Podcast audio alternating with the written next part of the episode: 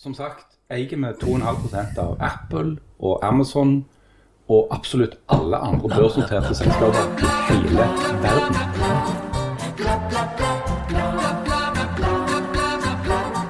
I dag. Alle andre. Så vi, kan, vi satser på at alle andre skal jobbe, og så skal vi tjene penger på at de vi, jobber. vi, har? Det er det er- kapital. ja, ja, det er det som er konseptet. sant? Ja, vi er kapitalister. Andre kan jobbe. Det passer jo oss ypperlig. Jeg elsker kapitalisme. Ja, altså, hvis jeg Men når kan vi slutte å jobbe? Kapitalismen jobber dag og natt. For, det, for meg var det jo derfor jeg elsker den.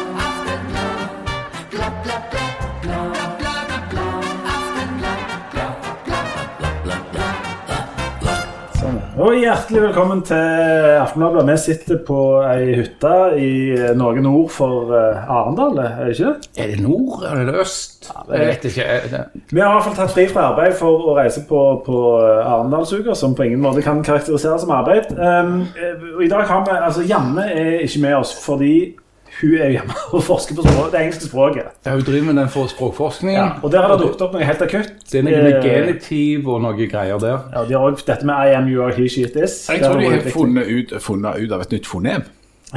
Funnet- Ja, ja, ja, ja. Som språkforsker så må du være veldig opptatt av dette med fonemene. Uansett så viser det seg at Janne er for opptatt med språkforskningen til å være med til Arendal. Ja. Hva er fonem, og hva er kuren? Altså, Er det med antibiotika? du tar? Ja, altså, Et ord består jo av flere fonem når du uttaler det. sant? Eh, For eksempel i, i ordet sant så er et fonem, og så er altså, eh, det er tre fonem. da, sant? Så Det er lydene i språket, og det er jo grunnlaget for og En dag så skulle jeg ha kjørt hvordan du egentlig staver eh, fisk på engelsk, men det kan ikke ta noe. Det er jo dette gjerne forsker intenst på. Det er altså kommet en rivende utvikling eh, som jo vi ikke kan styre, men eh, som, der hun står i et slags episenter for dette. Hun Ja. står i bresjen. Står, Hun går i bresjen for det. Eh, men hva, hva gjør vi da? Jo, vi får med vikar. Ja, Og eh, dagens vikar eh, Det klarer dere ikke å tippe hvem er. Jo, dere klarer å tippe det. for dere Altså, vi vet jo hvem det er. Ja, du vet jo spesielt godt hvem det er. Ja da. Ja, da. Altså, Marianne Hovdan. Du har hatt mellomnavn òg? Nei, et sånn ekstra etternavn. Ja, Wulfsberg. Wulfsberg. Det er en tysk eh, fotballklubb. eh, Yes. Stemmer det? Ja. Eh, og du er jo eh, eh, Jeg er støttekontakt for Harald. og det trenger jeg. Ja. Du er Haralds eh, nåværende foreløpige forlovede. Ja. Ikke sant? Stemmer. Ja. Men det er jo Det ikke Det går sånn middels. Se at du sier det, for det er akkurat det jeg kaller den òg. Det er Ja. min, nåværende forlovede. Og dette er jo utgangspunktet høres ut som fulltidsstilling. på absolutt alle Ja, men det, men det er det. Men i tillegg så driver du inntektsgivende arbeid. Ja. Spennende. Eh, for du er eh, prosjektleder for Ytringsfrihetsbyen, er det det? Stavanger.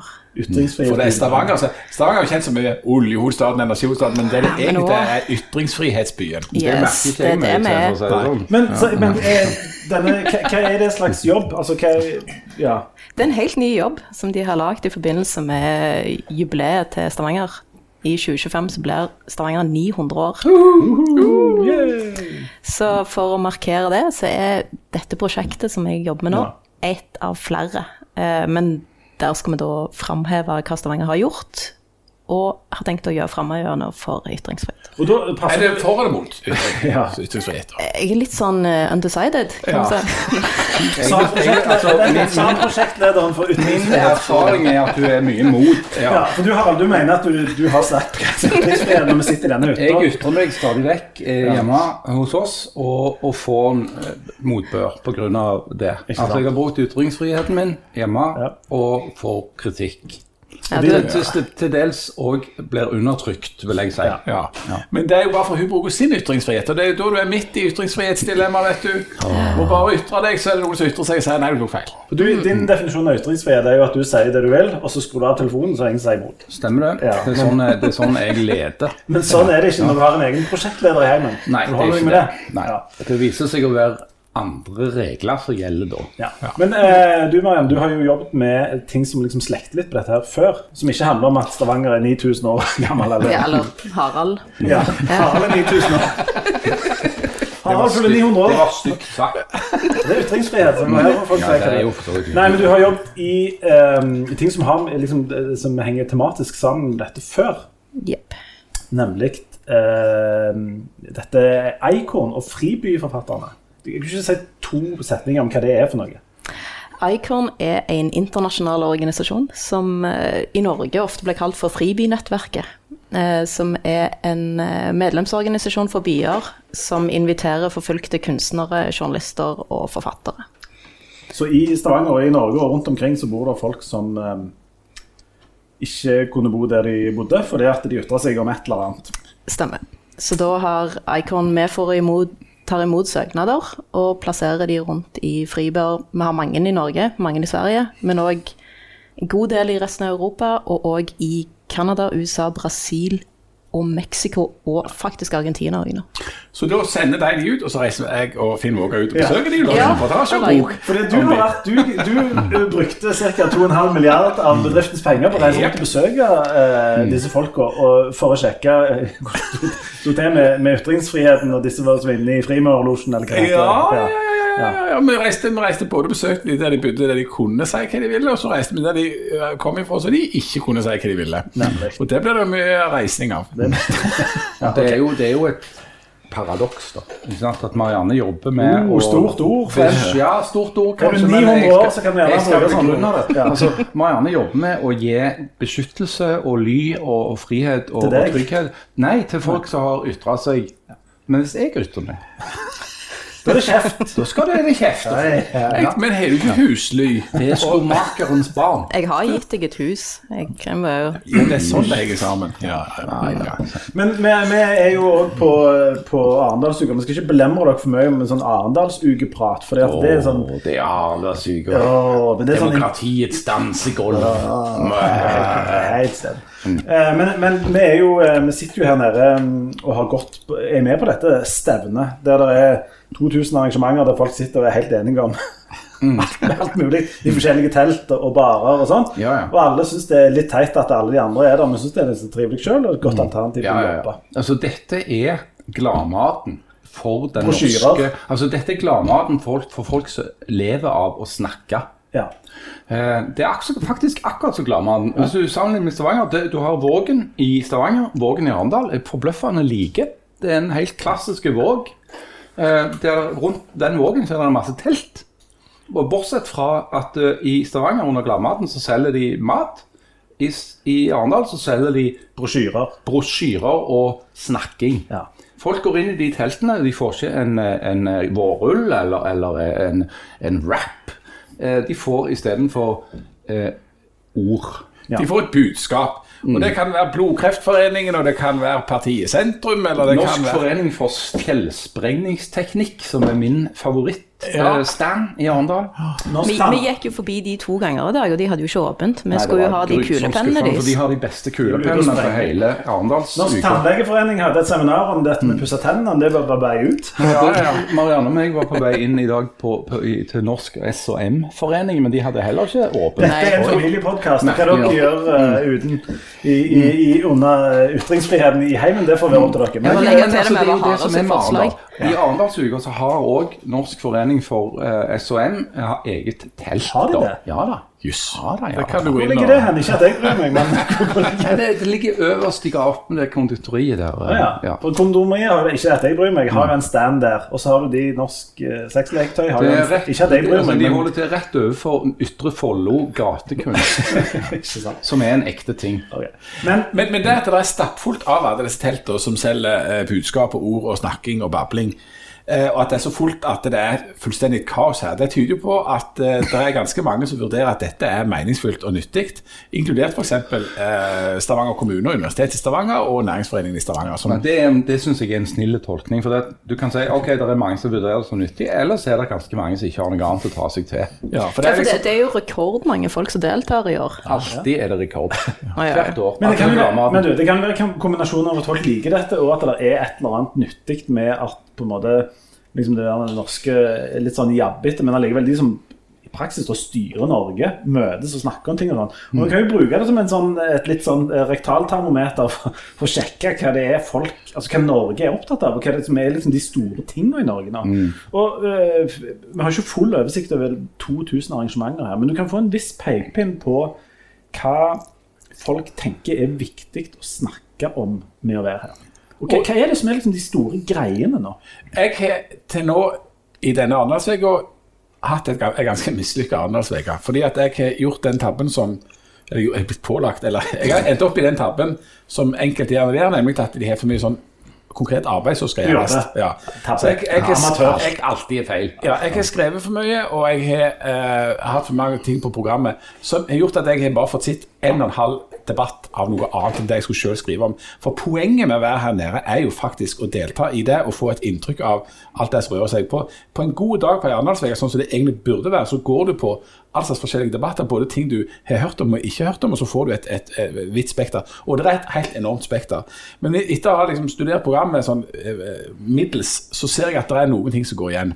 For det første så er årets program prega av Ukraina-krigen og, og, og krisen der, som jo er en sånn storpolitisk eh, ting som influerer oss på alt fra sikkerhetspolitikk til hva skal vi gjøre med ukrainerne som gjør med her. Altså, altså, Det handler om, om, om det som Ukraina-konflikten gjør med Norge, ganske konkret. ja, ja, det, det, det, det, Men, men òg faktisk eh, i, I dag så var jo en av de nærmeste medarbeiderne til Jens Stoltenberg i Arendal.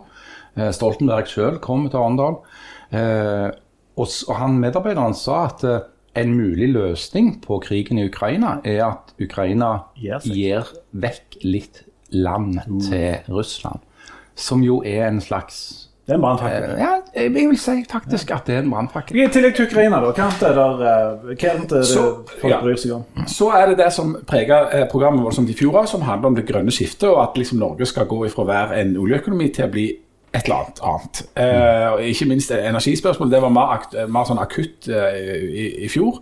Og så har jeg vært eh, innom eh, det som eh, og Jeg skrev en kommentar til torsdagsavisa på dette. her. Eh, på mandag så inviterte ordføreren i Stavanger da, til et slags treff og debatt og mingling og, og sider på en, den båten som Næringsforeningen har liggende her, der temaet var kampen om arbeidskrafta. Og, og det er jo en gjenganger rundt omkring. For det at, eh, Hvordan skal vi få tak i folk? ja, og ikke, altså, Hvordan skal du få tak i folk? Hvordan skal du få tak i de rette folka? Og Da driver Stavanger-regionen de skal sette seg selv på kartet og bli aktuelle og vise seg fram og skryte. Og sånn. Og så viser det seg at det er, de er jo i Grenlandskommunene og Ja. Og Flisa og Fusa. Og Flisa og Fusa. Absolutt alle driver og deltar. Larvik. Larvik, ja. Holder på Ja, alle skal Ålesund. Ja, og så har de seminar, og så snakker de, og mange sier mye det samme. Og det er jo attraktivt være og tiltrekkende, og selv om det er stygt vær og alt det der greiene der.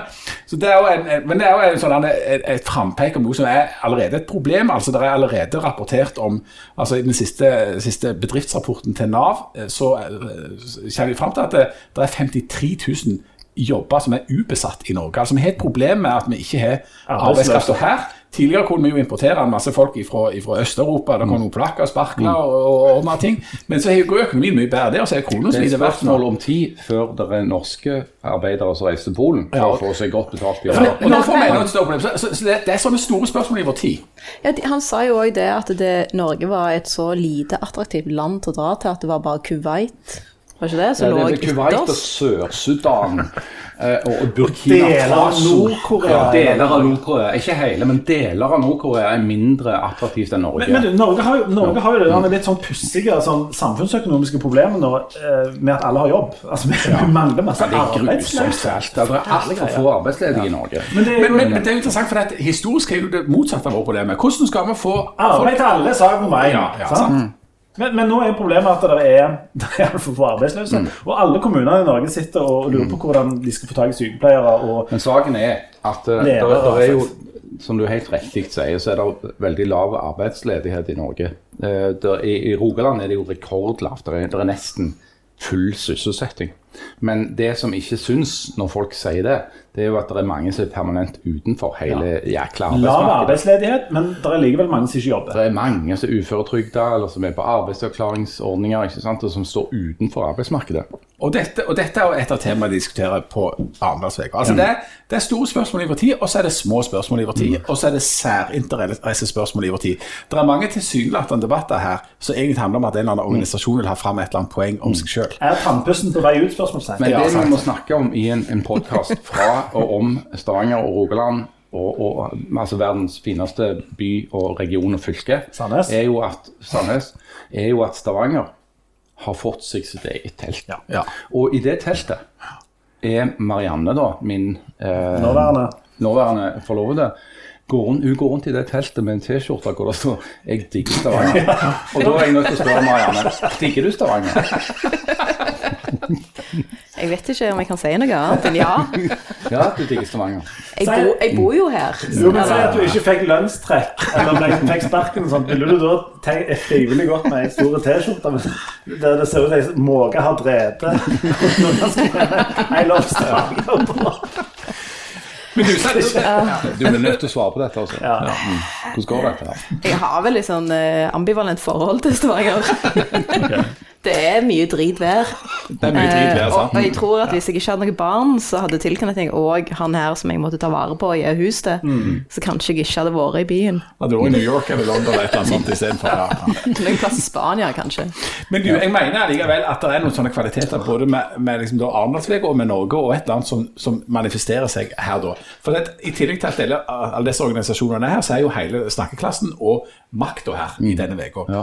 Og i dag så opplevde jeg noe som jeg syns var enormt vakkert, som illustrerer Norge, og som du knapt vil finne i noe annet land. Var det i det SM-teltet som Harald snakket Det veldig var det. Jeg hadde gått inn, jeg hadde to meg på Nei, nei, nei! nei, nei, nei. Klesklype i brystet. Med litt sånn strøm. Med litt strømbånd, svak og. Eh, nei, altså jeg, eh, eh, altså, jeg har jo altså, så, som sagt hatt for mye jeg skulle skrive her, så jeg har nesten ikke fått gjort noe. Det andre problemet i Arendal er at du ikke får tid til å ete. Så du, plutselig så har dagen gått, og så har du ikke åt Og så er det så sykt dyrt. Og så er det eventyrdyrt. Men jeg elsker jo kapitalisme. Men på et visst tidspunkt i ettermiddag så klarte jeg ikke mer. Så da måtte jeg bare eh, komme meg bort på en sånn plass der de skulle selge mat. Og så bestilte jeg noe, noe rød curry i en sånn thaibu en eller annen plass. Og så mens jeg sto der, så fikk jeg en lapp eh, at jeg var kølapp nummer 37. Dette hadde de håndskrevet. Veldig flotte greier. Så sto jeg der, og så, mens jeg kikket bortover, da, så så jeg at liksom over, på- litt bortføre der, så gikk det en eller annen kar og, og snakket i telefonen litt sånn i ring for seg sjøl, i sånn, litt sånn bakgårdaktige greier. Det var egentlig folk der. Så han litt galen ut? Og Ja, sånn. så jeg, så jeg, jeg tenkte, men så, jeg ser litt dårlig på avstand, men så dro jeg kjensel på han. At dette er jo en jeg eh, har truffet på før, eh, så vidt, for han er jo nesten eh, timebu, han er Håbu.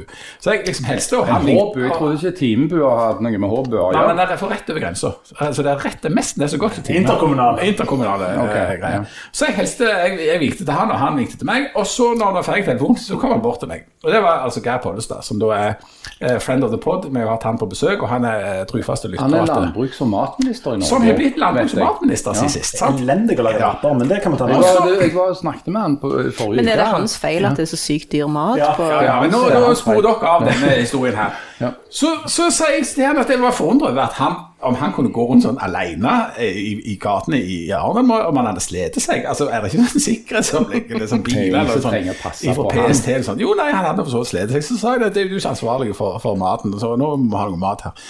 Så da fikk jeg med det der, men han hadde sittet og venta lenge, så han var bestilt et par pizzastykker. Og så, og så gikk jeg og sette meg, så sa han ja, skal du sitte, sitte her? Jo, det er greit. det. Så, så var det jo fullt på alle bord, da, men det satt eh, to pensjonister på et bord der. Og så gikk jeg og så hadde jeg truffet en annen også, jeg kjente en som også jobber på Sølvberg, som heter Espen Røsbakk. Så meg og han gikk opp, og så kom Geir Pollestad opp og satte seg Og Så satt vi der på det bordet. Og, altså, ansiktet på de der to pensjonistene Plutselig så kjenner altså, Men dette er noe av det vakre. At i Norge der kan du treffe på en eller annen sånn statsråd som går rundt og, og, og suller i gatene nå i, i Arendal, og så kommer han og setter seg på et bord noen han kjenner sånn halvveis, og noen vil fremmede folk. Og så kan vi sitte der og så kan vi røre om at det er det noe enormt vakkert. Jeg, jeg fikk anledning, jeg fikk Ja. anledning til å si unnskyld til, til Espen Barth Eide. Å Hva hadde altså, du gjort for noe? Nei, det var jo med utslipp, og Ja. jeg måtte ta selvkritikk på at jeg fantes og sånt, siden han er klima- og miljøminister. Ja, ikke det? Jo. Um, jo, jo. jo, men han, jeg bare snufla borti han, så sa jeg unnskyld. Så sa han det går helt fint. sa han. og det er jo ja, ja, ja, men, men, men, men, Det er en slags tilgivelse, da, for ja, men du tenker ikke på det, at det er spesielt eller interessant, eller at det sier noe om noe, at du dunker borti Det er ikke, nei, det er ikke så mange statsråder om makt, om det, er, om det er politikk, penger eller hva det måtte være for fortalte den historien om Gunnar Berge. Nei. Altså Gunnar Berge fra Stavanger, så har han til Frode Berge, som nå prøver å bli fylkesordfører for Som er gamle Berge. Ja, altså Gamle Berge og Unge Berge. Født eller gift? eh, Nå snakker jeg om Gamle Berge. Ja, Gunnar Berge. Han, han var finansminister i dette landet gitt sin finansminister, da? Eller hva? Nei. Gunnar Berge var finansminister. Og jeg hadde besøk fra min eh, eh, kusine, som, som er engelsk, bor i London. Eh, og vi kjørte rundt i Stavanger. Og vi kjørte av gårde, og der så jeg Gunnar Berge. Og det han gjorde, det var at han sto eh, i gata utenfor huset sitt på Tasta, og sopte gata i en grusomt eh, skjeden kjeledress. Så sier jeg til, til Becky, som heter det, at der er finansministeren i Norge. Og så sier jeg nei, det er det ikke. Hva er det du snakker om? Jo, han er finansminister i Norge. Han der. Så sier jeg nei, det er han ikke. Så til slutt så måtte jeg stoppe bilen, og så rulle ned vinduet og si hei, Gunnar. Ja, sier han. Hva er det du jobber som? Ja, kan du si det på engelsk? Ja, sier han jo på dårlig engelsk. da. I'm the minister of finance of Norway. Så kjørte vi videre. og så sier hun Norge er et veldig rart land. Jo, men, nei, men, ja, men Norge er jo et rart land, fordi at det er så altså, vi, Her i Arendal sånn, det, er- jo ikke det at det ikke er sånn politi og sånt til stede, for det er det jo. sant? Og det er litt, litt sånn sikkerhetsopplegg sånn, men du Jo kan Men det er jo så sykt mye russere her òg. Ja, sant, Russiske etterretninger har jo mye etterretning, sånn. Men, Ja. men uansett, i dag, nede i den der pollen i Arendal, eh, så har jeg sett fem eller seks statsråder Ja. virre omkring, ubeskytta i menneskemengden. Dette kan være tips. Akkurat, akkurat helt, altså helt vanlige folk. er ikke en oppfordring til Og det er jeg helt enig med Jan, og dette er en merkedag, for jeg er enig med Jan, at dette er en utrolig fin ting med dette landet. At det går an å gå ned i pollen i Arendal og ha en god sjanse for å treffe en person som sitter i regjering. Og faktisk kunne snakke med vedkommende som et vanlig menneske. Det er en fin ting. Det kan du ikke Ja, i Frankrike noen- eller USA. Uten at noen kommer bort og sier 'du må gå nå'. Ja, det kommer en sånn, en sånn, en, Ja. sånn en, Propp i øret. Ja, ja. og sier at nå må du gå vekk. Og så er det jo altså at, at alle disse her eh, folka som er med i styret i Norge sånt, um, er her, forteller jo òg noe om på et eller annet vis kanskje noe om de. At de ser en annen verdi i å ikke være helt isolert fra verden, eller bare sitte i et sånn uh, høyt tårn og, og skue utover. Altså, eh, Sjefen for oljefondet sitter i en bakgård og, og, og jazzer på og sikkert lager en live-podkast. Men er ikke det litt sånn norsk, da? At du ikke skal være så jævlig høyt på Jo. strå, liksom. At du ikke kan snakke med vanlige folk, for da mister du alle Men samtidig så har jo på en måte kynikeren i meg da, lyst til å si at eh, det fenomenet, det at du faktisk har den nærheten, er òg med å tilskjule Eller hva heter det? Tils, Tilsløre. tilsløre. Det heter er- tilskjuler tidligere på kvelden, men nå er det såpass, Nå er det såpass så langt det, på natten. det fungerer på den måten at det tilslører de egentlige maktforholdene. Sant? Det er litt sånn som det i er- SM-teltet. Det er en, akkurat som i SN-teltet. Men det er faktisk det er, det er riktig, det, Leif Tore. Det er akkurat som i det SNM-teltet. For det at det, du tror at du er på like fot, men det er jo ikke det. Jeg trodde, jeg trodde vi skulle si vi ikke var der. Det er en mann i? Sånn som en tang sa. Og i Arendal så er det, er på en måte to sider av Norge som er synlige på samme tid. Det er det egalitære. Det at alle er like, alle er på fornavn. Ingen eh, barrierer. sant? Med, med et lite land med små forskjeller. Og så er det fortsatt enormt tydelig at det er veldig store forskjeller. Hvis du f.eks. er Gelm uten Kise, eller First House, eller NHO, eller Industrienergi, eller en av de store interesseorganisasjonene, eller et gigantisk advokat- og konsulentselskap, så har du de største restaurantene, du har de største båtene, du har de største budsjettene, du har de toppfolka. Sånn at samtidig så ser du veldig klart hvem det er som har mest makt. Sant? For hvis du representerer Norsk Fjellsprengningsforbund eller SNM-teltet, så har du et telt på noen få kvadratmeter. De har litt makt i, men det er på en annen måte. På en helt annen måte. Du har et telt på noen få kvadratmeter i en eller annen bakgate i, i, i, i Arendal, og du er heldig hvis noen kommer innom. Hvis du er First House, så står statsrådene i kø utenfor for å få lov å komme inn og være så heldige å få lov å snakke med deg. Og jeg har snakket med eh, ekspolitikere, som det òg er en god del av. Mange av dem har gått til den andre sida, men de går bare og stiger rundt i pollen og sier at det er kanskje noe som de er mest oppmerksomme på. Det er at Arendalsuka er et slags dokketeater, hvor politikerne er dokkene. De går fra telt til telt og gjør den lille sangen og dansen sin. Ikke sant? Men hvem er det som styrer de, da? Hvem er det som er The Puppet er, Master? er, The Puppet Masters er jo disse her store oh, ja. Det er ikke Gilmar Kise som styrer at eh, Geir Polle skal sette ned og ta to pizzastykker Nei, det er kanskje med noen For å ja. nevne noen, da. Det er dårlig dømmekraft. Ja, For å nevne noen. NHO, Civita, Industrienergi, Fellesforbundet, LO. Altså disse store, tunge interesseorganisasjonene som skal ha en politiker inn sammen med noen andre for å gjøre tingen sin. Dette er ikke et politikerregissert teater. Det er et teater som er regissert av, i hovedsak av de store, tunge interesseorganisasjonene i Norge. Men, disse to, store, mediene. men, disse Ja, store, mediene. men alle disse store, tunge interesseorganisasjonene, alle de som, som vil noe, liksom vil de oss noe vondt, eller vil de utvikle det norske samfunnet til gode? For det felles beste, og at De, alle skal altså, få de liksom. glir rundt på demokratiets dansegulv. Akkurat som nå Marianne og Stavanger kommune gjør. De har meldt seg på.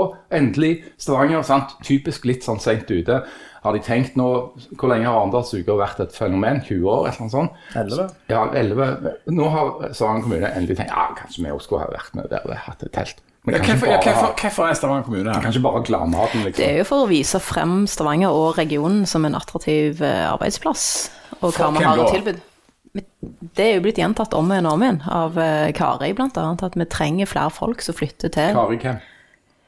Helst. Ordfører Kari. Ja, men hvem er det Ja. viser seg fram til? For dette, det, det er en annen ting jeg har merket til. At i, i sånn Gelmøyd Mise, Kise eller sånn et eller annet telt Malcolm Kise. Ja, eller til, på, på, på båten til, til Cooper Librans, så er det veldig mye folk fra Coopers Librans. Eh, og i teltet til Stavanger kommune er det greit mange folk. På, så er det treffer på Sølvberg eller i Stavanger kommune eller noe sånt. Altså, for, for det er jo noe, det er en konkurranse da om oppmerksomheten. Hvem er det du snakker til? Eller er det, er det for at en skal kunne vise sjøl at det, ja, vi har vært steder Jeg og tror Jeg tror Stavanger må vise at vi er mer enn olje. Blant annet at det er kultur her. Det er liksom en bra plass å bo for familier. Det er, vi har et Men hvem er det vi skal vise det fram til, har jeg lurt på. For det at i går så var vi alle sammen på denne båten Ryger Elektra, som er, eh, disponeres nå i Arendal av Næringsforeningen i Stavanger-regionen. Eh, og I går så var det, var det ordførermottagelse.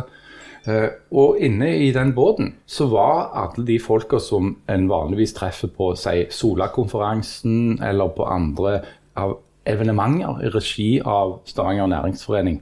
Det var bare akkurat som de hadde dratt ifra la oss si eh, et eller annet hotell på Sola til Arendal.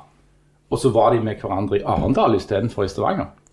Og Så samtidig er greia der? Ja, nei, men, og samtidig så hadde de vært lette å kritisere. Det går an å kritisere eh, en for det. eh, At er, det er for seg sjøl. Men, men okay, det kan kanskje ha en sånn eh, teambildende effekt òg. Det er kjekt å komme seg ut og treffe noen av de samme på en annen plass.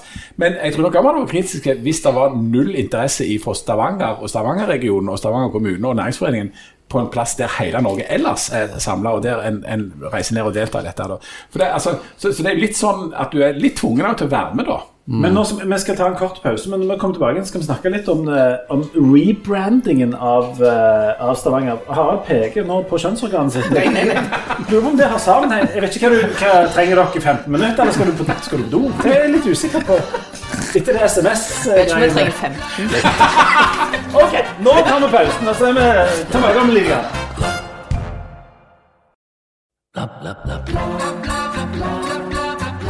Og hjertelig velkommen tilbake igjen. Nå har eh, Harald hatt seg eh, et par minutter, og det virker som om du er mer enn ferdig med det du eh, Ti stilt med deg. Og nå snakker vi ikke mer om det. Du, Vi var så vidt inne på det eh, før pausen. Stavanger driver, har drevet egentlig ganske lenge med litt sånn rebranding av altså Vi er ikke oljebyen lenger. Energihovedstaden. Vi er energihovedstaden. Og så skal vi være eh, trenger vi, vi kan ikke bare være det heller, vi må være noe annet òg. Mathovedstaden. Ja.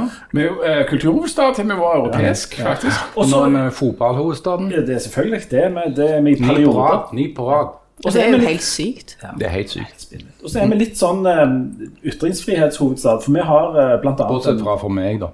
Selvfølgelig, du er, du er et unntak. Men vi har eh, festival for det, og nå er dette en sånn enormt sentral del av når Stavanger skal feire at Harald blir 900 år Ja.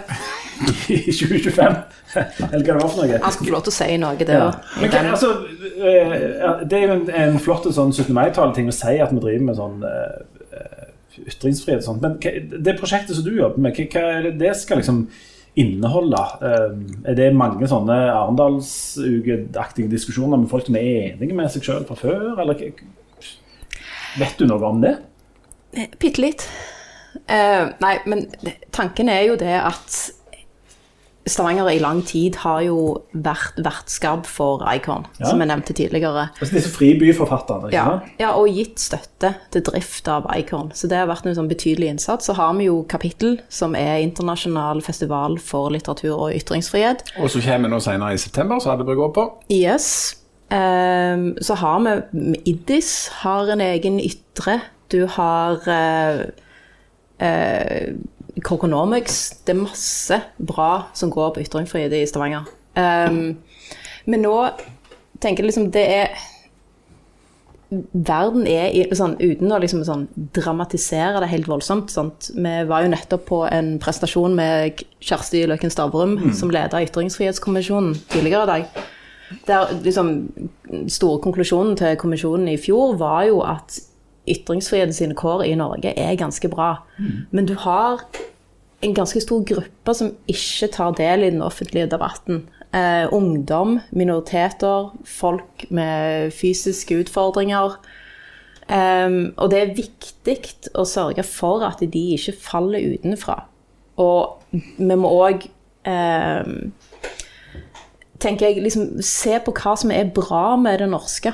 Uh, hva er det her som fungerer, og hva er faresignalene? For det, på 90-tallet så var verden en sånn oppadgående. Sånn, menneskerettighetene gikk bedre og bedre og bedre. Ja, var jo positiv på 90-tallet. Ja, ja, ja, ja, men, men nå er det demokratier som faller fra. De blir mer og mer autoritære, og vi er jo nødt til å liksom, passe på at det ikke glipper her òg. Men, men hva bruker vi denne ytringsfriheten til? For det er sånn som her, som jeg sviver rundt, så er det jo folk som stort sett altså, er litt sånn marginalt uenige med hverandre om, om dette og hint og sånt. men, men det er jo ikke sånn at uh, er, det er Sian og Norgesdemokratene og, og, og nazistene som stiller opp i debatt og skal diskutere det ene og det andre. Det er stort sett folk som er enige eller uenige med hverandre innenfor et litt sånn ufarlig rom. da.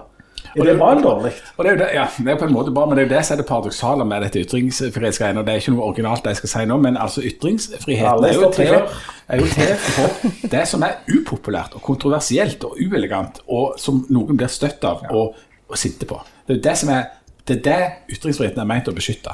Det er vel Salman Rushdie sa vel en gang at ytringsfrihet er ikke noe jævla T-selskap. Nei, det er jo ikke det. sant? Mm. Det er ubehagelig når det faktisk blir praktisert. Det er ingenting som er lettere enn å være på sånne debatter der menigheten er enige. Så sitter, altså, det er jo det du snakker til dine egne, og så er alle stort sett mer eller mindre enige, de som står på, på podiet. Mm. Problemet oppstår jo hvis du sier noe så Ja, ja men så er det hvor mange skal det til for å, å, være uenig i et eller annet før det er at du ikke burde sagt det, eller eh, for at det skal bli farlig eller ikke? Eh, og Da er det noen, noen eh, grensedragninger i, i, Norge og i verden mm. som er nå. Sånn at ytringsfrihet Poenget med det er jo at du skal kunne si noe som er upopulært, og så varierer det jo fra mm. tid til, og, og, og, sted, altså tid og rom, hva er det som er kontroversielt mm. Og farlig å si. Mm. Ja. Men det, det, er noen innebakte paradokser i dette med ytringsfrihet. for vi er jo òg i denne podkasten utrolig nok eh, rørende enige stort sett om dette. Vi, vi er Ikke jeg! Nei, det er bortsett fra deg, da. Men vi, vi, er enige om det selvsagte. ikke sant? At uh, ytringer som er ukontroversielle, trenger jo ikke noe beskyttelse. Det sier seg selv. Mm. Det er de ytringene som noen blir sure eller sinte eller til og med uh, voldelige av, som trenger beskyttelse. Mm. Uh, og så er det sånn at vi har det med å kritisere og kanskje til og med latterliggjøre de som blir krenka på vegne av andre. Som sier at eh, de reagerer på at du sier dette fordi at de er redd for at noen andre kan bli lei seg. Ja? Men samtidig så har vi en tendens til å undervurdere det, tenker jeg. Sånn, altså, vi, har, vi, har, en tendens til å si at dette må du bare tåle til noen som blir rammet av de ytringene. For vi, du og meg og alle andre vi kjenner nesten i Arendal, er ikke folk som vanligvis blir ramma av eh, kontroversielle ytringer. Det er jo stort sett mer marginale grupper. Altså det er minoriteter. Eh, om de er religiøse minoriteter, eller etniske minoriteter, eller politiske minoriteter. Det er de som blir utsatt for eh, angrepene. Eh, og det må vi òg tenke gjennom. Det er ikke et altså, angrep om du sier noe eh, som er, du er, andre er uenig i. Men men her kommer jo liksom Det kan oppleves som det. Men det er det ikke for det. Altså, Vi ser det jo nå f.eks. i debatten om koranbrenninger. Du, altså, du og vi Jan, er enige når det gjelder koranbrenninger. Det er alle du finner. altså, bare, altså, jeg mener at du kan ikke nekte folk å brenne en koran uh, som de har kjøpt eller eier eller har uh, eiendomsretten til. Det får de bare gjøre. Men samtidig så må vi akseptere, mener jeg, at det er noen som blir mer støtt av det enn oss. Og så handler det litt om hvordan du blir støtt, og hva slags virkemiddel du svarer på det med. Da. For Ja. der finnes det også, og det er også noe som er altså, poenget med ytringsfriheten du må gjerne være uenig i det, og du må gjerne hevde det, og du må gjerne si det. Men, og, og det er greit så lenge det handler om en holdning, men så er det det at hvis du går over til handling, at du begynner å gjøre Si at noen brenner en bok du er voldsomt knytta til. Ja. Så kan du f.eks., mener jeg, fint svare med å brenne en bok som de folka er veldig knytta til. Ja. La oss si f.eks. Norges lover, eller Skipper. Ja, del. Vårse, eller Mein Kampf, Ja. Ja, som brenne mange av de er veldig ja. knytta til. Sånn? Men du kan ikke drepe dem. Det, det vil jeg si være, vil være å gå Ja. for langt. Og det, og det er jo på en måte kjennetegnet, og det er noe av det som Arendal representerte. Du, at vi da skal prøve å løse ting forsøksvis med å snakke eh, i sammen, heller enn å, å gå løs på hverandre med nevene. Men, men her er jo denne tingen at det, liksom, ytrings... Liksom, klima og hvordan en debatterer er jo veldig viktig. Og her har jo sosiale medier gjort veldig mye for liksom, å skape til dels kanskje en illusjon av at folk er ekstremt uenige, at det er veldig svart-hvitt, og at mange av de der folka i midten forsvinner. Um, Og de fleste er jo i midten, og dette er jo et poeng til Kjersti Løken Stavrum og, og Ytringsfrihetskommisjonen at hvis det er 1 som er ekstreme på, på, på nettet, der, så er 99 ikke det. Og de aller fleste er i midten. Men samtidig så motsier du deg sjøl litt der. For det at det, på, altså, på, på samme måte som ukontroversielle ytringer ikke trenger beskyttelse, så trenger heller nesten ingen av de i midten. Sant? Trenger Nei, beskyttelse. Det er jo, det er jo Ja, for det, det, det er jo det, det, det, er det ukontroversielle. diskuterer. Ja, det er kantene diskuterer. Ja, Sånn at, og, og for eksempel i koranbrenningsdebatten så står jo denne her krigen mellom to kanter. Det er eh, veldig eh, dogmatiske muslimer mot ekstremt rare muslimhatere. Sant? Det, og, og med alle andre i midten. Sant? Og så er trenger. Ja, trenger du ikke gå så langt tilbake. Eh, Jeg, jeg støtter at det skal være lov å brenne både bibler og koraner, men du trenger ikke gå så voldsomt langt tilbake i tid. Vi snakket om på vei ned til Sørlandet, meg, eh, at det er ikke så veldig mange år siden at det ble bundet bibel av Marilyn Manson på På Kvartfestival. Kvartfestivalen i Kristiansand. Det ble et mirakels. Ja. Masse kristne som reagerte på det. det. ja. Men det var protester. Og vi husker jo alle òg show og spetakkel med, med Monty Python og Life of Brian. Ja, ja, ja. sant? Og dette var Og dagen, blasfemi. Og, dagen etter Marilyn Manson tror jeg brant uh, Bibelen, så blank, uh, tok disse Black Dabbath-folka De brant landbruksrapporten på scenen. Oi, Ja, oi, mener det, det er ganske sterkt. Altså. Det, det er veldig sterkt. Men, men, men hvis noen hadde brent Bibelen her i dag, hadde det vært kontroversielt? Her på hytta, eller? Ja, eller på en scene, Arendal. på en scene i Erdal. eller Jeg tror i han brant nye testamentet i går, gjorde du ikke det? Jo, og et lite ja, ut forbi fyrt grillen. av bitte, bitte Ja. Jeg tror ikke jeg, jeg, altså, Noen hadde reagert, og så de fleste hadde bare trukket på skuldrene og tenkt at ja. eh, det får noe. Men det, og det, men det var jo også et, det er jo et sånt poeng som egentlig aldri kan gjentas nok i sånne diskusjoner om sånn at nå er det så gale polarisering. og sånt, at Når du begynner å se, gå ned i disse tallene, så viser det seg jo at de aller aller fleste altså Norge er et lite polarisert land. De aller fleste befinner seg i midten en eller annen plass.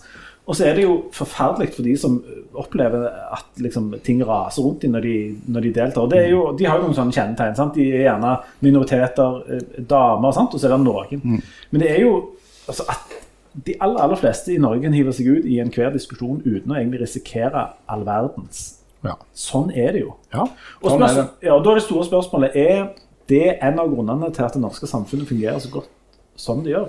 At dette er mulig, og at det møtes liksom folk i, på, på, på kafeteria i Arendal og diskuterer det ene og det andre og det tredje. Er det, en, er det en av grunnene til at Norge fungerer så godt som det gjør? Eller er- hva er høna og egget her? Ja, altså Det henger, det som de sammen, ja. Altså, Norge er jo kjennetegnet av høy tillit. Ja? Eh, og, og, og det er på en måte en tillitserklæring til noen folk hvis du hører på de og snakker med de sjøl og er uenig med de. Sant? Altså, der ligger det en slags sånn tillit at vi kan snakke sammen, og vi kan jo jevnt over være uenige i absolutt alt. Men det er under der en slags sånn tillit eller respekt for hverandre, sjøl om vi jo er rykende uenige om absolutt alt. Um, Men er ikke, handler ikke det om, Jan, at vi tross alt vi, vi er uenige eksempel når det gjelder hvor vidunderlig kapitalismen er og sånn. Så jeg elsker kapitalismen. Ja, du gjør jo det. Men så er vi tross alt enige om det viktigste. Det er at vi f.eks. ikke går løs på hverandre rent fysisk. Mm. Unntatt i, unntatt i det SM-teltet. Ja. Det er det andre regler. Altså, ingen regel uten unntak. Ja, og, eller etter revolusjonen. altså Hvis det viser seg å være flertall for å ta et endelig oppgjør, så gjør vi jo det. av ja. Ja. Men, men der er jo òg det der greiene at det er viktig å lage liksom sånn i, i gåseøyne trygge debattarenaer, sånn at det du kan ta den debatten ansikt til ansikt med folk. Og der har folk en tendens til å være litt greiere enn de er på nettet. Ja, det har du godt poeng. Fordi dette internettet burde jo vært reservert til å fortelle om hva du har hatt til middag, og, og, og kjøpe salg av f.eks. joggesko Jeg eller mener at det burde sånn. vært behovsprøvd. Ja. Men uh, når folk skulle diskutere noe som var alvorlig og skikkelig, sånn, så, så gjør altså det, det gjøres jo på en helt annen måte når folk møtes. Men, ja, men jeg er litt Altså, jeg, jeg Er du enig nå? Ja, da kan- da setter vi fyr på det. Begrepet trygge eh, arena, trygge plasser, har jo fått en odiøs klang etter hvert. For det har, Ja, det, jo blitt, ja, det. det har jo blitt arenaene der folk sier at jeg vil ikke møte opp til den debatten, for jeg føler ikke det er en trygg uh, eh, arena. Og grunnen til at det ikke er en trygg arena, det er fordi at det eh, kommer til å være noen på den scenen som Du er uenig i. du du risikerer å høre noe du ikke er enig i. Sånn at eh, eh, Sånn sett så må, du, så må folk kunne leve med en viss utrygghet. Vi er faktisk nødt til å snakke om NM i stein, saks og papir. Ja, ja, ja, Vi er faktisk ja. nødt til det. Ja. Fortell om det, Harald. Det, det forteller ganske mye om hvordan, det, minutter, hvordan det kan gå. Dette er ikke tre kjedelige minutter, men, men Ja, dette er altfor kjekt det. Det, det, det, er, det er så gale, tenker jeg. For det at eh, stein, saks, papir er vanligvis en måte å løse eh, Konflikter på konflikter på veldig lavt nivå. Vi tar stein, saks, papir, og så blir vi ferdige med det. Men det viser seg òg at det er et norgesmesterskap i denne sporten, om du kan kalle det det. Det er derfor Norge et så vidunderlig samfunn. Det er veldig flott. Eh, Men så viser det seg òg at eh, en av deltakerne i, Jeg tror det var vi snakker om finaleheatet i, i denne sporten, stein, saks, papir, hadde eh, uttrykt i en eller annen sammenheng at han mente at det er bare to kjønn. Vent litt. Dette var ikke en del av stein, saks, papir? Nei, det jeg var, er jo han, han, han, han uttrykte dette uavhengig av deltakelsen. ok, okay, det var ikke en del av idretten. Nei, han hadde sagt det en annen gang. At etter hans mening så er det bare to kjønn, altså kvinner og menn. Ok. Dette førte til at vedkommende person, som jeg ikke husker navnet på, men som visstnok er en slags influenser, eh, ble ekskludert fra NM i stein, saks og papir.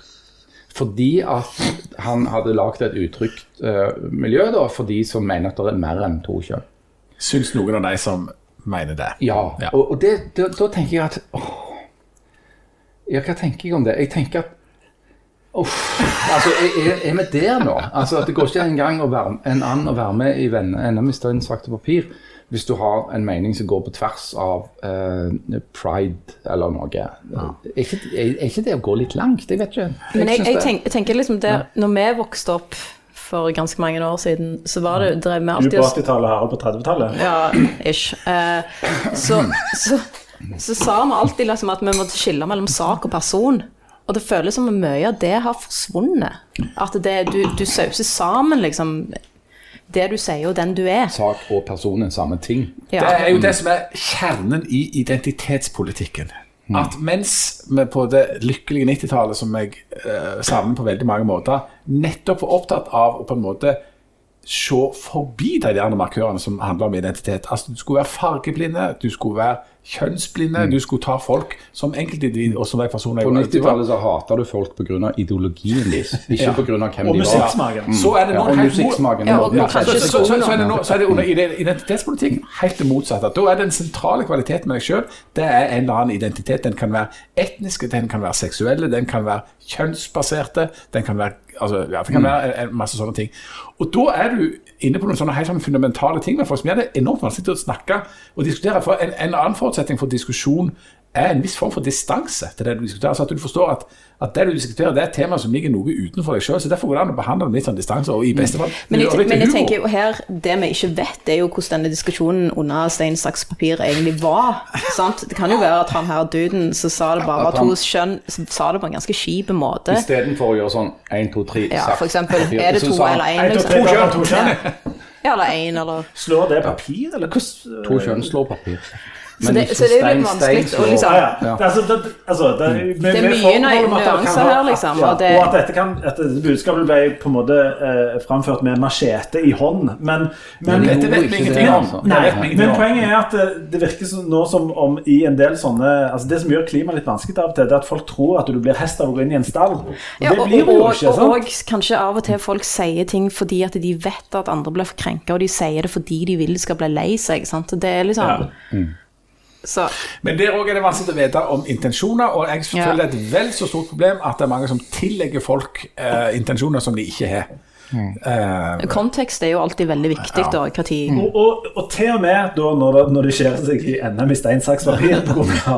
en diskusjon om kjønn, så er det jo Og han var jo i favorittsjiktet, denne ja. Selvfølgelig var han de fremste i stein, saks, Han papir. han, han. Han var jo spesielt god på saks. han er enormt god på saksing. Ja, og så har han og øvd mye på papir. Men, nei, men altså, til og med, med, med når det dukker opp sånne ting som det der, så er det jo sånn at hvis du ser litt, litt bak det, så er det fremdeles den enormt store, store det overveldende flertallet er helt normale, har hvilepuls og kan diskutere ganske eh, friskt og sånt uten at det skjer seg. Og det som var så velsigna med Kjersti Løken Stavrum, som var her nå tilbake i år, men som jo la fram Ytringsfrihetskommisjonen sin rapport for ett år siden, det var at i dag på scenen eh, så sa hun, og det er ganske godt oppsummert hvordan du skal håndtere dette, ta deg ei bolle, slapp av, senk skuldrene.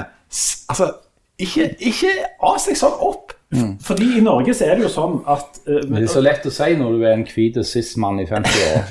Hun er jo dame, da. Ja, men og, Sklir bruker dette i stein, saks, ja, papir. og dette mener jeg jo sant, og nettopp Det er det med vilje, da. Ja, men, men det er sant at jeg selv om jeg ikke tenker på meg selv som det, så er det, så er det sånne ting altså, fordi at jeg Check your privilege. ja, sant, sånn at jeg, jeg blir da Jeg kan liksom ikke heller si hva jeg vil, for at da eh, blir det brukt imot meg hva farge jeg er, hva kjønn jeg er, og hva alder jeg er. Nei, men det er der, det er der, det er der jeg mener er en stor misforståelse. For det er folk, Vi sier jo ofte sånn Ja, du kan ikke si noen ting lenger. Jo, det kan du faktisk. Du kan si Jeg sier- jeg kan det er ingen grenser for hva du kan si. Og så kan du bli motsagt, og, og noen kan legge deg for hardt. Og altså, de som ikke har fått eh, en del avføring i posten, sånn, kan kaste den første steinen mot dette bordet. Altså Den norske debatten om ytringsfrihet, og det tror jeg Marianne kan skrive under på, er noen ganger litt sånn eksotiske. Eh, For det at i veldig mange andre land i verden så er det sånn at hvis du sier hva du mener, så risikerer du å dø. Ja. Og det gjør du ikke i Norge. Nei, og det er jo litt sånn ironisk liksom når jeg går inn i den jobben, skal jobbe med ytringsfrihet i Norge, og har den bakgrunnen, så er jeg så det i ti år å behandle søknader fra folk i livsfare, så er det Du, du er jo minnet på hvor privilegerte vi er i dette landet. Men, men hva, altså, sånne forfattere som kommer altså, De kommer fra plasser der det er livsfarlig for de å oppholde seg. Sant? Eller u- å, å uttale seg, eller eh, synge, eller eh, skrive dikt, eller hva som helst. Når de kommer til Norge, sier de noen gang noe om hvordan de oppfatter Norge? Er vi liksom så langt nede i marginene, eller syns de det er rart? Eller hva tenker folk som liksom har opplevd det sånn ekte på kroppen? Det er jo vanskelig å si noe generelt. Er det liksom. utlendinger som får lov å generalisere? Det er en regel. Ja, det er utlandet. Utlendinger, utlendinger syns vi er så gode. Hva syns utlendinger? Ja, og så er jo ikke alle som kommer til Norge. Vi har jo mange andre byer i andre land. Men uh, generelt så er de jo veldig takknemlige for La oss da si da, det norske systemet. Ja. Og jeg syns det er veldig interessant hvordan mange av de har blitt aktive i lokalmiljøene der de har slått seg ned. Eh, gjort en imponerende innsats for å lære seg norsk kultur og norsk språk, og det er mange som faktisk er lokalpolitikere ganske kjapt etterpå. Så de, de, de fortsetter kampen, liksom. Her. Men Sier de noen ganger sånne ting som at dere vet ikke hvor godt dere har det, eller er- Si at du har tatt svar, stein, saks, papir med de liksom kommer jo sånn. Nei, de har faktisk ikke sagt det, altså. Nei. Nei. Og Jeg tror òg at det handler om at en god del av de som, som kommer hit, de kommer jo fra land som òg er i en eh, ekstraordinær situasjon. Sverige. Altså, ja, f.eks. Sverige og, og, og ja, Sveits og sånn. Eh, Altså, men altså, det, det er land som er i krig. Sant? Der, er, der er borgerkrig, eller der er en, en, en konfliktsituasjon, der er en, en ekstraordinær situasjon. Sånn at uh, en, en situasjon hvor, de, hvor det ikke finnes ytringsfrihet, hvor du er trua på livet hvis du ytrer deg, er jo heller ikke en normalsituasjon der de kommer fra. Det er en situasjon som er oppstått pga. Uh, særlige forhold. Uh, og det er det som har gjort at disse folka har blitt tvunget på flukt. Og så, og så er det jo da ikke minst fra en plass der altså, igjen, det de sier blir oppfatta som farlig av noen som har makt, altså av makthaverne. Diktatorer er jo enormt følsomme. Ja, diktatorer og diktatur. Ja. Og eh, visse religiøse ledere innenfor sånne ting. Sant? Og, og, og det er jo noe sant, som Kjersti Løkken Stavrum sa i dag. At vi, vi i Norge da, vi, vi skårer jo på topp på alle som demokratiindeks og ytringsfrihetsindeks og presseindeks og alle indekser som du har lyst til å ha på toppen av, der ligger Norge. Eh, men vi skal jo bare merke oss at ja, det synes jeg men vi har kanskje et naivt, nesten for godt forhold, for stor, stor tiltro til de som styrer oss. Men det de skal ha, de som, som styrer i Norge, det er at de tåler faktisk å bli kritisert uten å sette deg i fengsel. Eh, som jo er, virker selvsagt på meg, men det er sånn historisk sett ikke nødvendigvis så selvsagt. Og i mange land i verden så er ikke det selvsagt. At hvis du sier imot de som sitter og styrer, så risikerer du at Du, eh, eh, når du sitter og spiser med Geir, med Geir Pollestad og sier at Ja. jeg syns maten er for dyr, ble ikke du fengsla da? Jeg blir ikke fengsla da. Ble jeg nesten. Ja, altså, den hogde av meg en. Jo. Eller, nei, jeg tror ikke det er nok eller to, sant? Og, og sette noen fliser ned i der på Nei, men dette er tilbake til, med at, til at Norge er en forunderlig fin plass å bo, da. Ja. Altså, det, det er jo ikke det, Du kan bli motsagt og, og, og få noen avføring i posten og sånt, men, Du, men en, en gang Ja, skal, men, altså, men alvorlig talt. Altså, det, er, er noen grupper ja, som, som må tåle mer enn andre i dette Ja, ja, ja, ja. Og hvis Men jeg du tilhører ikke disse. Si at du f.eks. er folkevalgt og dame og relativt unge, og representerer f.eks. et parti som MDG eller SV eller Rødt. Og kanskje ikke ha foreldre som har norsk opprinnelse. Ja, kanskje ikke det heller. Da får du mye. Altså. Ja, ja. Ja, altså, det er en del grupper i samfunnet fortsatt som er nødt til å svelge ting som vi andre ikke må eh, få i innboksen vår. ikke sant? Som, som får, eh, får driten, for å si det sånn. altså får hetsen og, og utskjellingen og, og grapset fra folk som ikke har folkeskikk. Og, og de har kanskje et litt annet syn på det der. ikke sant? Med hva Og de må vi støtte, og de må vi hjelpe. Men det, det jeg skulle si var, jf. det som jeg akkurat snakket om En gang så fikk jeg en telefon, eh, og så var det noen som, en, i den andre enden som sa at han ringte for noe, et eller annet med Kulturdepartementet. Og så tenkte jeg oi sann, ja. Eh, For jeg hadde skrevet noen saftige kritikker av kulturministeren i det siste. Toril Vidtvei var det. Og, og, og levnende lite ære. Og da ringte de fra Kulturdepartementet, tenkte jeg åh, nå skal de ta meg. Ikke gjør meg i fengsel, men hvis de tar meg i fakta, det blir noe drit. Eh, og så oppfatter jeg ikke helt hva det var han sa, så jeg måtte be han gjenta dette. Da ringte han. For han skulle gi meg Kulturdepartementets nynorskpris for journalister. så hvis du i Norge kritiserer er sure mot makta, da risikerer du å få en pris. Så Du du hadde kan, skjelt meg ut i et forbilledlig språk. Ja, ja, ja, ja. Så da var det pris å få. og så går vi med, dette med tegnsetting. Ja, ja, det- ja, Det er egentlig det samme som å si at eh, de syns at Jan er søt når han er sint. Men er, men er ikke dette sånn 'keep your friends close but your enemies closer'? Men det kan jo være Det altså, slagordet sto faktisk i det SM-teltet. og der sa de òg dette med at diktatorer og religiøse ledere var veldig følsomme. Og så gikk det ikke i detalj om det. Nei. Ikke at jeg var der. Jeg var der Ikke altså. nei. Nei, nei, jeg hørte ifra, ifra en Jeg vil ikke si hvem det er, men han er landbruksministeren. Mm. Han var der også, og, eller jeg kan ikke si at det var han, da, men, men, eh, men jeg vet ikke noe, er det noe annet jeg vil snakke om nå? Ja, du, hvis det, du, jeg må, må få snakke om noe jeg jo ikke er så voldsomt ofte. uh, dette med å kjøre buss. For det, er- det har jeg opplevd noe i dag. Altså, det er jo det, er- Kjører det, er fram- i det er framfor alt dette med? Ja, det er, det er framfor alt dette med menneskemøtene. Det er jo det som foregår her i, i Arendal. Og som jeg sa tidligere, så er det jo greit folk her, eh, og det er greit med biler. Og det betyr at hvis du kommer eh, kjørende sånn som vi gjorde i dag, sånn i litt for seint, sånn litt over ni, så er det stappfullt i alle parkeringshus. Og det førte til at vi måtte ja, Alle det det, ene. nei, men Ja, dere var Vi må parkere på Evje. Dere var på Evje, ja. Ja. ja. Men- Vi var i Grimstad. Ja, vi er på en måte i landsproblemet nå, men vi måtte kjøre opp til en eller annen sånn fotballbane jeg vet ikke hva det heter engang, og er opp en eller annen plass. Der måtte vi sette fra oss bilen, og så måtte vi ta buss inn til sentrum. Det er det verste jeg har hørt. Ja, det verste jeg har hørt. Og så skulle vi ta buss tilbake igjen. Og da var jo situasjonen at når vi var i den andre enden på den fotballbanen, og det det gikk bare en sånn buss forbi en vei forbi der, så sto det jo liksom Arendal sentrum der. Men når vi skulle ut av Arendal og, og tilbake igjen, så ante vi ikke hva det hette, eller hvor det var, eller noe, visst annet ikke vi skulle ha. Og det, denne situasjonen det hadde vi jo felles med en masse andre folk. Så det var masse folk som drev med debatt og, og, og demokrati og mye forskjellige ting der.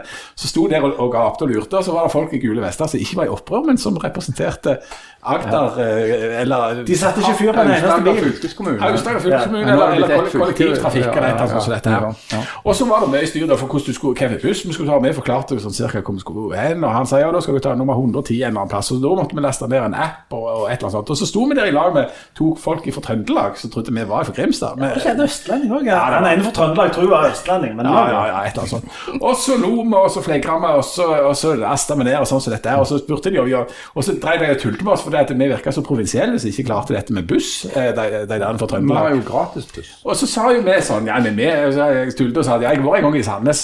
Ja, om vi gikk bussa der, og, og vi ikke klarte å betale for oss der, så sa vi vi er gratisbuss. Så sa de Nei, så lo de godt, Jeg syntes det var en kjempegod vits. kødda. Ikke kødd. For real, altså, gratis buss. Sa vi. Gratis buss. Og så, også, Ja, og båt og tog, og så, lo, de enda mer. De trodde ikke på oss. De trodde ikke på oss. Gratis buss hele kvelden. Og så oss trodde de, de trodde ikke på oss. Og vi ble alvorlige i ansiktet. Vi forklarte dette en gang til. Vi har gratis buss. Og så sto vi der og klatra med denne appen, og sånt, og, så, og, så, og de lo fremdeles syntes det var kjempeløye at vi hadde sagt det med gratis buss. Og så spurte de ja, ja, men liksom, hvis dere ikke klarer å liksom, finne fram på dette her Vips og eh, Vaps og en eller annen apps og et eller annet sånt der, hvordan klarer dere liksom da å Vi finne trenger fram? ikke Vips, vi har gratis buss. Sa vi. Og de trodde det ikke. Så sa de ja, men hvordan får dere tak i det? Bare send en melding til kommunen. Ja, ja. Så det- deg. Det siste inntrykket disse eh, østlendingene fra Trøndelag da, da fikk av oss De det var- elsker dere jo. Ja, det var at jeg viste de eh, gikk inn på stavangerkommunen.no stavangerkommunen.no og viste de her er gratis buss. Og da var det bare ansiktet bare tatt ned, bare gikk inn på bussen og gikk. Ble sur. Og jeg tror ikke hvilket nummer det var på den bussen. De bare, de bare gikk inn på den bussen. Vi ruler bare så sykt. Ja. Vi har gratis buss. Så jeg, vi skal avslutte med eventuelle anbefalinger. Jeg vil anbefale å ha gratis buss. Er, hvis du ser det rent økonomisk, så er det mye billigere at- å ikke betale for bussen enn å betale for den. Og du slipper også, å- Jeg lasta ned en app for å komme meg da disse 800 meterne fra Arendal sentrum opp til parkeringsplassen. Jeg lasta ned en app, så viste det seg å være eh, for en region i Frankrike.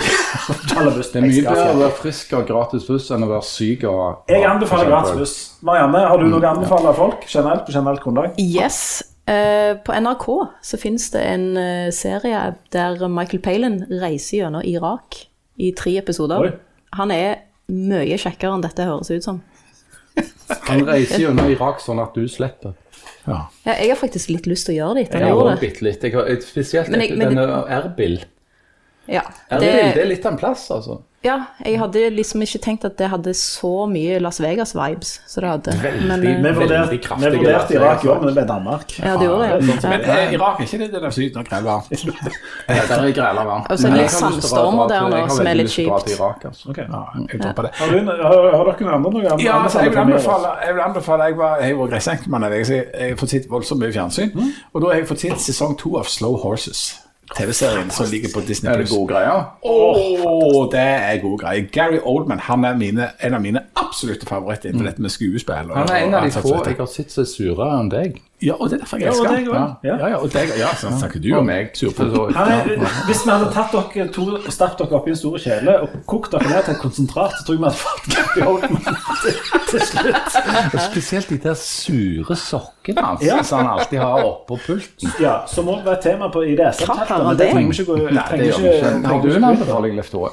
Jeg vil anbefale dere å holde dere langt vekk fra SM-teltet barndomsuka. For, der får du vite ting som du tenker at du aldri Der får så vite. Ja, og så når du kommer hjem fra Arendal og, så- og så begynner å stille spørsmål rundt dette til f.eks. folk du er gift med, så blir det alltid sånn spørsmål Hva er det du, egentlig dere holder på med der nede? Ja. Og du kan ikke usjå det du har sett der. Du kan ikke Så det. folkens, hvis Ja. dere er i Arendal, ikke gå i det SM-teltet. Eller bare gå litt forsiktig. Ja, ja. Egentlig, egentlig så anbefaler jeg det, men kan du, bare, du kan gå der, Ja. eh, og hvis du har problemer, så sier du bare det hemmelige ordet Geir Pollestad.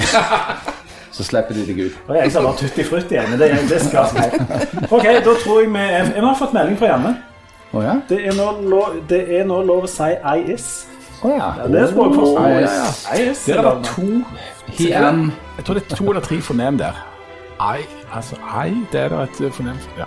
I det SM-teltet sa de at hvis du, at, uh, du måtte are- være we- we nøye med sånn rengjøring, ellers kunne du få for meg. Da måtte du ha antibiotika. Det var helt artig. Nå kan vi gjøre oss. Ja, vi gjør det. Adios. Adios. Jeg tror det er testosteronshjelp mot fornem. Er det det? Enten det eller sånn hydrokortison. Eller steroider. Hadde du tenkt steroider mot fornem? Broren Men hvis du har fått fornem i, armhulen er det veldig mye fornem rett på. Det er så fuktig.